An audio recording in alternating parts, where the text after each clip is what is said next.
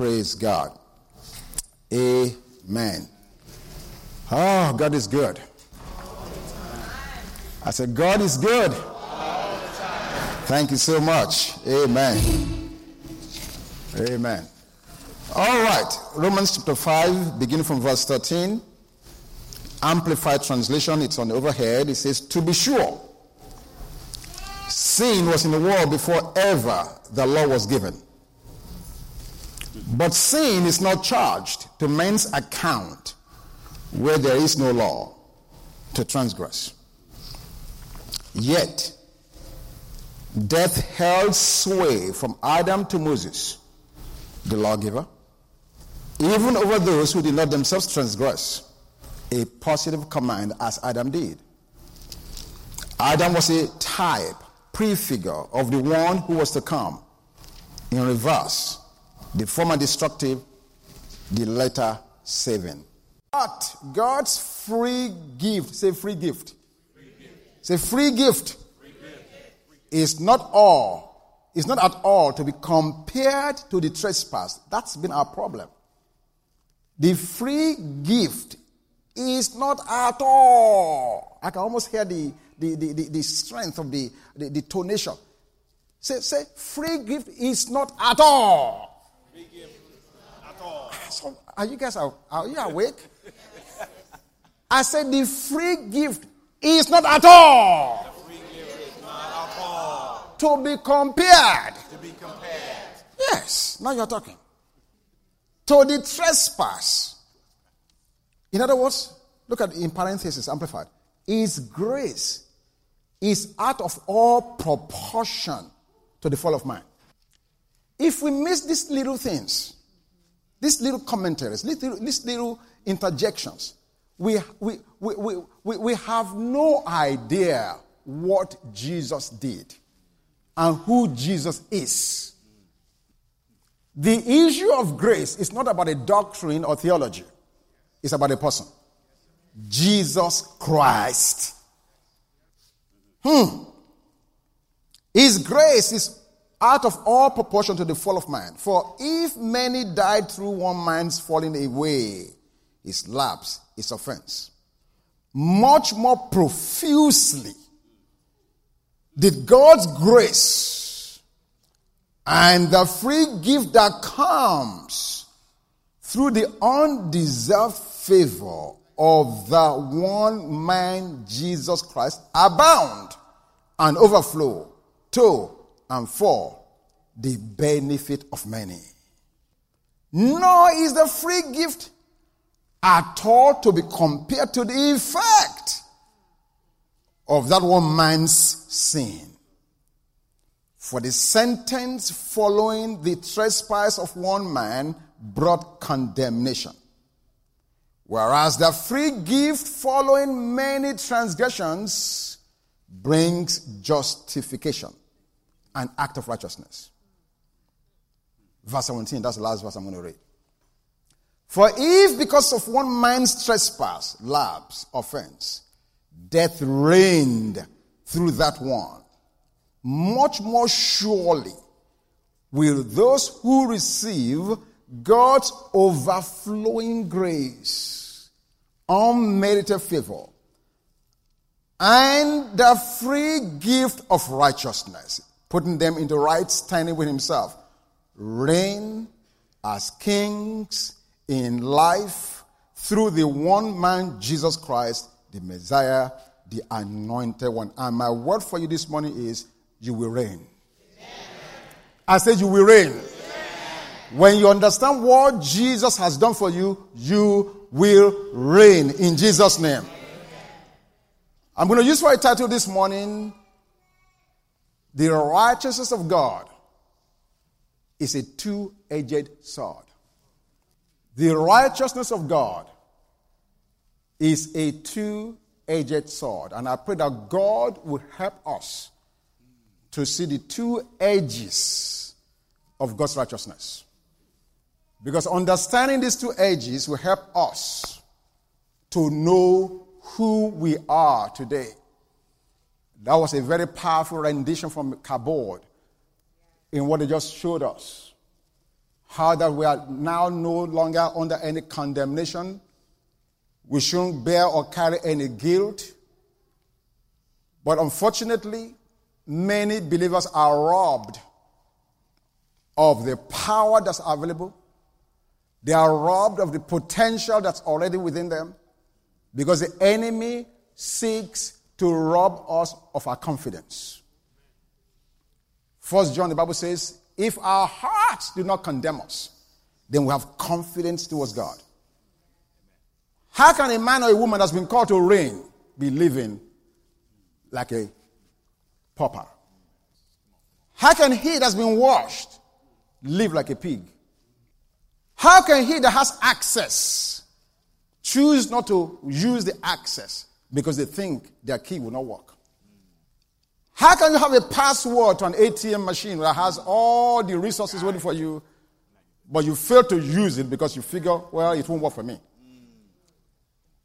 Because we've not understood very clearly the two edgedness of God's righteousness. And this morning, the Bible tells us from Romans chapter 5 righteousness is a free gift. Free. Say free gift. Free. What is a free gift? It's free. It's free. This Christmas season, some people blessed me with a gift card. Free. All I had to do was take the card, walk to the store, and just pick this and pick that and pick that. Gave them the card. They didn't ask me who gave it, what did it. That, that's not my problem. I have a gift card. And use the card and procure, the goods. I have the goods now. I have the goods. Do you understand what I'm saying to you? God is saying to us, we have that free gift. And it's called righteousness. Now, looking at the scripture I just read, and I see Mrs. Dashi Badachi, you know, Sebo, she's Italian, but she's pretending to be an American. Badashi, that's her name. Why are you not sitting with your husband?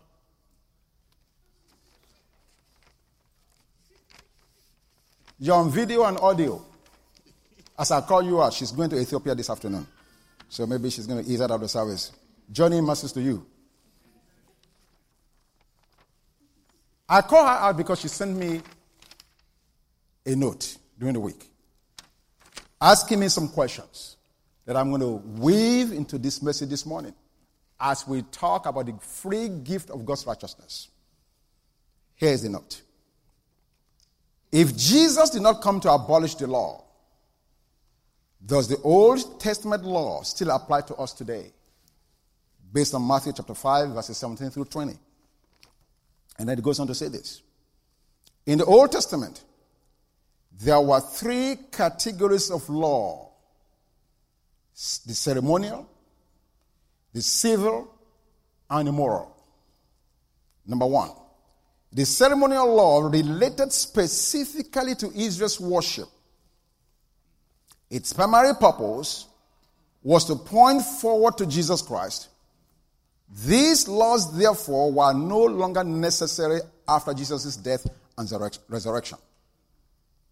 While we are no longer bound by ceremonial laws, the principles behind them to worship and to love a holy God still apply. Number two, the civil law. This applied to the daily living in Israel. Now, because modern society and culture are so radically different from that time and setting, all of these guidelines cannot be followed specifically. But the principles behind the commands and are rather the principles behind the commands are timeless and should guide our conduct. Number three, the moral law such as the Ten Commandments. This is a direct command of God and it requires strict obedience. The moral law reveals the nature and will of God and it still applies today. So basically, what she's asking me is this these laws, the ceremonial, the civil, and the moral, we know that we do not go and offer turtle doves and rams and bullocks and all of those things any longer. We know that you can sit on the chair now that a woman that's had a monthly sat on before and it does not hurt you. Because under the old, that will make you unclean. You couldn't do that. You have to carry your own chair all over the place by yourself to make sure that nobody else is. Uh, but anyway, you get the message. So the question is even though the laws are no longer in place, do the principles still apply today? Or do we just walk around lawlessly and, and just whatever goes? The principles behind those laws, yes, are in operation. But the way you do them is not the same as they did in the Old Testament. I'm saying this because in Romans chapter 5, in the passage we just read, Paul said, Sin was not charged to man's account in the absence of the law. All of these laws put together. In the absence of them, even though sin was already in the world, and God is going to have to judge sin, however, was not charged to man's account until the law was given. The Bible tells us that because of the obedience of the one, Jesus, that when Jesus submitted himself to die, he, Jesus, fulfilled to the little tiniest, minute part of the law, all of the law. This is huge. You see, God is a righteous God. He will not allow the violation of his laws and command to go undealt with. The Bible says in Romans chapter 6, in verse 23 that the wages of sin is death. There's no appeal against it. That law will not be changed. That judgment will not be changed. Every sin must be judged. So the wages of sin, back then, today, and forever, the wages of sin is death. That equation will never change. But when you read that verse of scripture, he just did not say the wages of sin is death, full stop. He said, but the gift of God is eternal life. So not only does he judge sin, he also gives life. So this is the issue. And that's why I'm speaking this morning on the righteousness of God being a double edged sword. On the one hand, God cannot stand sin. And he says, For a man that sinneth, he shall die. Oh, you need to understand and marvel at this great Jesus. You see, because it's just not a matter of him going to the cross. The thieves went to the cross. They didn't save you. Yes. Men had been going to the cross before Jesus came. He didn't save us. What made him so unique was that the Bible testified, even Herod, in examining him, he said, I find no fault in him. So this is not just another man going to the cross. This was a sinless man. A man who had lived his life and having looked at his life that he lived, everybody said this man was sinless. Paul came to tell us in Second Chronicles chapter 5, in verse 21. He made him who knew no sin to become sin. It took a God to make a sinless man and attach sin to him. He made him who knew no sin to become sin. So, God, why would you do a thing like that? God had to do that because of his righteousness. The righteousness of God demanded that because man sinned, man had to pay the price. If angels had paid the price, God would no longer be righteous. He would have cheated.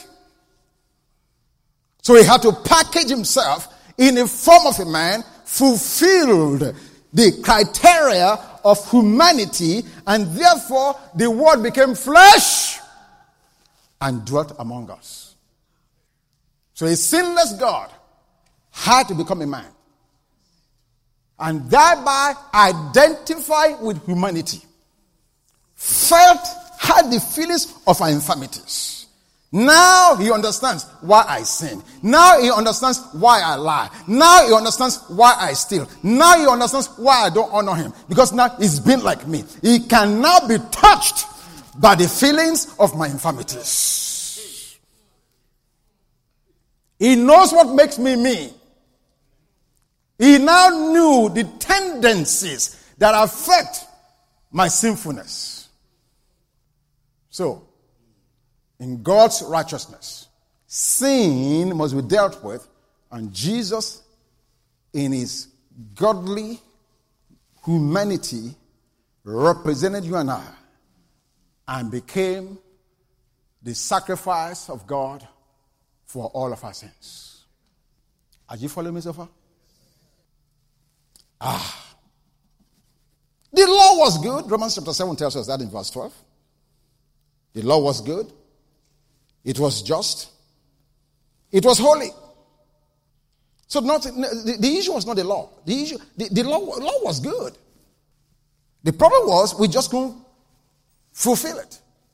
No man, none of us. The Bible says, Romans says that there's none that's good. No, not one. Not one of us. That was the problem. Hebrews chapter 7 tells us that the law was weak and unprofitable in the sense that it cannot change hearts. Galatians chapter 3 says to us that the law was a tutor, a schoolmaster. It was intended to show you and I how futile it is to try to obey and to follow every law. And at the same time, to show us Jesus as the answer who fulfill it all and empower you and I to live in a very godly way. Are you following what I'm saying? So Jesus, yes, he fulfilled the law in its entirety. That was the only reason for which he, Jesus, could represent us and go to the cross. And come out on the other end alive and raised from the dead. Because it was sinless. Sin could not hold him. Because it was a perfect and perfect man. Okay. So Jesus came. And he fulfilled the righteousness demanded by the law. uh, when he did that, you and I need to recognize and really know that a divine exchange took place. The perfect one became sin so that the imperfect ones can share in his life.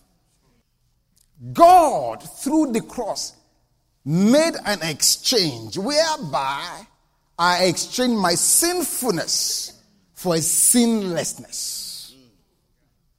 The challenge for you and I is because we live in an environment where seeing certain things happen, you do certain things, and you quickly forget who you are. You try to identify, identify yourself by your behavior.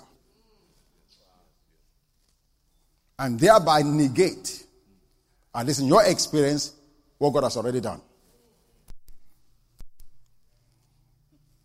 I'm going to show you the other side of this righteousness in a minute. First of all, go with me to Daniel chapter 6. Daniel chapter 6. Thank you, Lord Jesus. Let me show you how Daniel, or rather, how Jesus became our Daniel. In Daniel chapter 6, you can go to the New King James on this one. Daniel chapter 6, in verses well, let's start from verse 3. Thank you. Then this Daniel distinguished himself above the governors and satraps because an excellent spirit was in him. And the king gave thought to setting him over the whole realm. So the governors and satraps sought to find charge against Daniel concerning the kingdom. But they could find no charge or fault. Did you hear that? They couldn't find any charge or fault. Almost like Herod could not find any fault in Jesus. Because he was faithful. Hebrews tells us that Jesus was faithful to he who appointed him. Nor was there any error or fault found in him. This, then this man said, We shall not find any charge against this Daniel, unless we find it against him concerning the law of his God. So these governors and satraps thronged before the king and said thus to him, King Darius, live forever. All the governors of the kingdom, the administrators and satraps, the counselors, advisors have consulted together to establish a royal statute and to make a firm decree that whoever petitions any god or man for 30 days except you, O king, shall be cast into the den of lions. Can you believe these people? Now, O king, establish the decree and sign the writing so that it cannot be changed according to the law of the Medes and Persians, which does not alter. Therefore, King Darius signed the written decree. So, this is what's happening. These guys envious of Daniel's sterling character. And out of jealousy for how much the king favored him, set up a trap and found a trumped up charge against him. Don't forget that Jesus became our Daniel. Because as just as Daniel could not be found any fault with, we are told that there was no fault found in Jesus. But not only that, the Bible says to us that Pilate and Herod recognized that it was for envy that they brought him. So, verse 10, Daniel chapter 6. Now, when Daniel knew that the writing was signed, he went home and in his upper room, with his windows open toward Jerusalem, he knelt down on his knees three times that day and prayed and gave thanks before his God, as was his custom since early days. Then these men assembled and found Daniel praying and making supplication before his God. And he went before the king and spoke concerning the king's decree. Have you not signed a decree that every man who petitions any god or man within 30 days except you, O king, shall be cast into the den of lions? The king answered and said, The thing is true, according to the law of the Medes and Persians, which does not alter. So they answered and said before the king, That Daniel, who is one of the captives from Judah, does not show due regard for you, O king, or for the decree that you have signed, but makes his petition three times a day. And the king, when he heard this, was, was greatly distressed, or rather displeased with himself. And he set his heart on Daniel to deliver him, and he labored till the going down of the sun to deliver him. So for a minute, the king didn't do anything. He was trying to find a way out of this dilemma. Father, is there any way possible for this cup to pass over me? Verse 15. Then this man approached the king and said to the king again, Now, no, O king, that it is the law of the Medes and Persians that no decree or statute which the king establishes may be changed. King, I know you're dilly dallying here. You're in a valley of decision. You're vacillating. I know you love this man. However, can we remind you that the law is the law? And the wages of sin is death. And his soul that sinneth, it shall die. King, can we remind you of that? We know that this is your beloved son in whom you are well pleased, but you've placed all the laws that are contrary to mankind on his back. Can you now say in your righteousness that you will not send him to the cross? Death is the only penalty for sin. If you be a righteous God, your son, yes, the one in whom you are well pleased, he must die. Verse 16. So the king gave command, and they brought Daniel and cast him into the den of lions. But the king spoke, saying to Daniel, Your God, whom you serve continually, he will deliver you. Then a stone was brought and laid on the mouth of the den, and the king sealed it with his own signet ring and with the signet of his lords, that the purpose concerning Daniel might not be changed. Now the king went to his palace and spent the night fasting. You need to know about your God tonight. You need to know what your God is doing concerning you. Look at verse 18. He went to his palace and spent the night fasting. And no musicians were brought before him. And he slept went from him. You need to understand your God loves with such a holy love, with such an everlasting love, with such a loving kindness. He's not sleeping.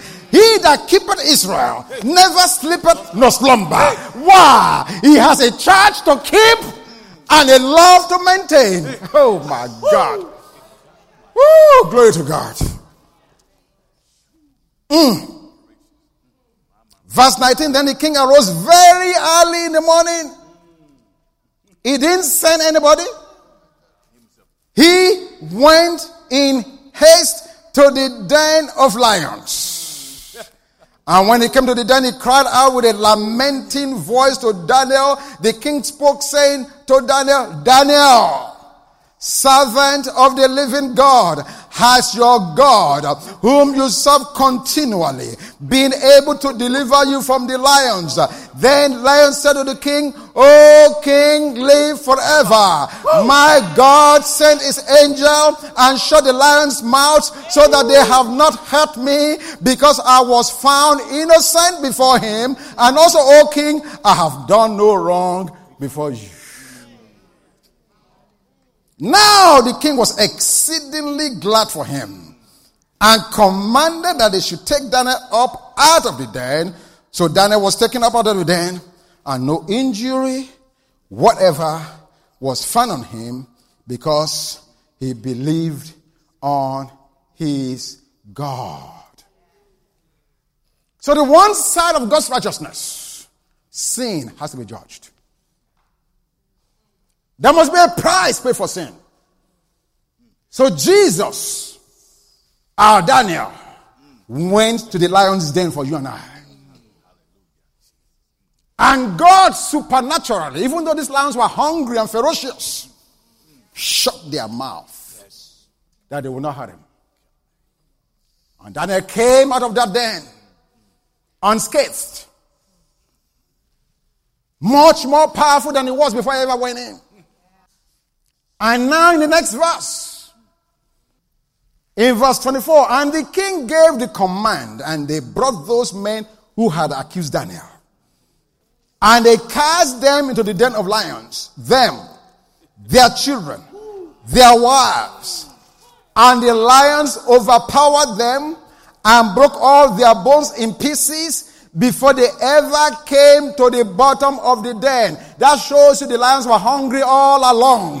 But God withheld them from touching Daniel. But when the accusers came, my God, they were broken to pieces. I'm saying to you this morning that no weapons that's formed against you shall prosper. And every mouth that shall rise up against you in judgment, thou shalt condemn.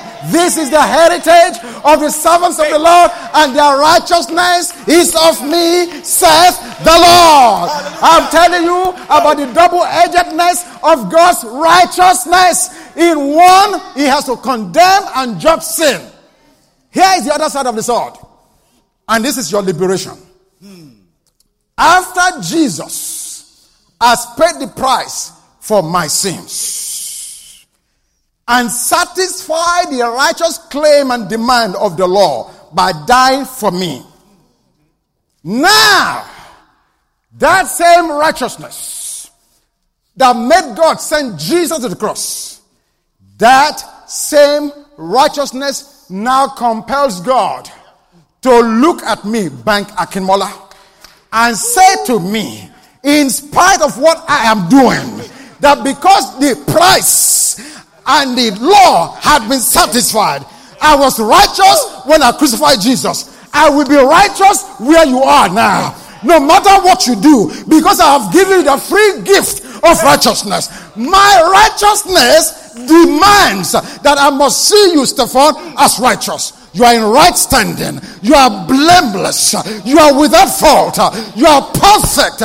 You are completed. Not because of your behavior, but because of my righteousness. I am righteous in the morning. I am righteous in noonday. I am righteous in the midnight hour. Nothing you do can change who I am. I am righteous. And therefore,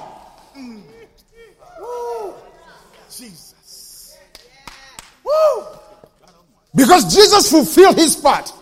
God said, I'm under obligation to fulfill my part. So, Derek, I see you righteous. I don't care what you're doing. You are the righteousness of God in Jesus. Because he has made him to be sin. Him that knew no sin, that you might become the righteousness of God in him. It is a gift. Yes. And it's not, oh my God, it is a gift. and it's not taking it away. Woo. That's the double edged sword. Just as the condemnation could not be reversed, now the righteousness cannot be reversed. Jesus. Oh my God. It's a free gift. His righteousness demands that he sees me the way he said I am. Because his son is sitting next to him on that throne to enforce that will, to make sure that covenant is not violated, to make sure that testament is carried out. Papa, I died for that sin. Papa, I died for that other one. Papa, their healing was on my back. Papa, their peace I paid for. Papa, their favor already procured. Papa, everything they need already got it. Papa, is in the blood. Papa, is in the blood. Papa, is in the blood. Papa, is in the blood. See yourself as the righteousness of God. Forget this religion, sinner, saved by grace. La! You are a saint who sometimes commit acts of sin. Because as a man thinketh in his heart, so is he. If you think of yourself as a sinner, you will sin. That's the problem with us. We've believed a lie. And so we carry a lie identity around. You need the right ID. I'm a son of God. Oh, hallelujah. Bought by the blood. The precious blood. I was not redeemed by corrupt things as silver and gold. But I have been purchased. I've been redeemed. I've been procured by the precious blood of the Lamb of God. And I know there's power in the blood of Jesus. Whatever may be wrong with me today, give me time. Give me a moment. The blood is working. The blood is doing its job. The blood. The blood. I said the blood. Oh, glory to God.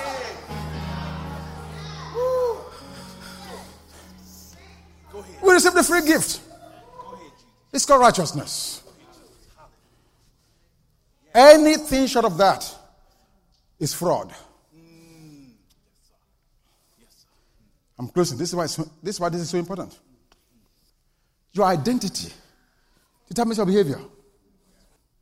That is why, throughout scriptures, Jesus did not label sinners based on their sin. Now, the Pharisees, who claimed to be experts in the law, he ridiculed them. But for the average John Doe, no. Nathanael came and said some stupid words. He said, Behold, an Israelite in whom there's no guile. He called him by his destiny. The unbelieving fishermen that became part of his group what did he call them? Apostles. Men that did not even believe he came from the dead. He said, I will not call you an unbeliever. I see you greater than where you are now. I know the work I'm doing in you. I know how the work will finish. I know the beginning from the end and end from the beginning. Therefore, I will not call you by where you are in January 2015. Hey. I'm calling you by your destiny. You're an apostle. Before they were ever saved, they called them disciples. In the church today, we bring them in. We say, follow Jesus, love Jesus. And then after three years, we make them disciples. Jesus, from day one, he looked at the multitudes. He said they're like sheep without a shepherd. He didn't call them goats. He didn't call them unbelievers. He called them sheep. What are you seeing? How are you calling yourself? What idea are you carrying? Who has stolen your birth certificate? I command your birth certificates to show up in the name of Jesus. Hallelujah.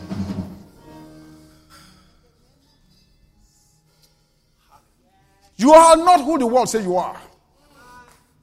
You are not who the system say you are. They label you black and white and brown. But God says you are righteous. And his righteousness transcends all of those demarcations. Hallelujah. I said on Friday, identity has four things that it drives. Based on your identity, you have certain tendencies. Certain tendencies. Let me give you a good example. You're a young man, and you make it to the basketball team on your high school campus. So you're now on the team. There will be certain tendencies that go along with playing basketball for your high school team. Those tendencies or thoughts drive your actions. All of a sudden, your parents don't have to beg you to wake up at 5 o'clock in the morning. Why? Because you have this tendency you want to go practice. Normally, under normal condition, to wake you up at 7.30 is a fight. But now because you're playing basketball, you set your own alarm, you wake up yourself. Why? You want to go practice. The tendencies lead to some actions. Those actions lead to consequences. You get on the basketball court on game day. You are doing very well. You are scoring. So tendencies lead to actions. You are practicing. Action leads to consequences. You are scoring. Consequences lead to reality. College scholarship. Do you see that? Yes, sir. Is it simple? On the other hand, if you see yourself as a sinner, saved by grace, sinner is a noun. Sin is a verb. Sinners do sin. So if you see yourself in this humble, you know, I'm a sinner, saved by grace, sin is your focus. So your tendency is to think sinful things. You are battling, oh, grace, aggressive grace to overcome this sin. You are listing sins every day. You go to bed every night. God, help me with this sin. I lied yesterday. Oh, God, help. Every day you see yourself with new, new sins. You prayed three last night, four more show up tomorrow. You prayed that four, 18 shows up the next. Over and over, you wear out. Tendencies. As a sinner saved by grace, the action is you do the sin. Consequences, you regret you did it. Because you violated yourself and somebody else. Reality is you're out of the door. Maybe you get fired on your job, you lose your marriage, you lose your kids. Something happens as a result of the consequences. But if I ever dare to believe that I am the righteousness of God, I allow my believing to determine my behavior. Rather than trying to behave to become wrong. So, because I have believed that I am the righteousness of God in Christ Jesus, what happens to me? I'm thinking righteous thoughts. I'm saying to myself, the righteous are as bold as a lion. I'm saying to myself, the righteous, be shining forth. Hey, I'm saying to myself, the righteous pray and God hears. Oh, Maraka Baba. Hey! Is there any devil around? The righteous tendencies drives my actions. The actions lead to righteous consequences. The righteous consequence lead to a reality. I find myself to be what God calls me to be. Yes. Who are you this morning? You need to get a new ID. Listen to our faith. It doesn't have to be an everlasting message. Who are we this morning? Who are we? Who are we? Who are we? If God's righteousness can send Jesus to the cross, his righteousness can also keep you righteous. That's the double edgedness of his righteousness. Yes. Now, I realize there might be some here this morning or this afternoon who has never come to a place of accepting this powerful gift of forgiveness. How that Jesus loved you and I so much, he became sin for us so that we do not have to live in sin. If there's any such person here this afternoon, I want to pray with you.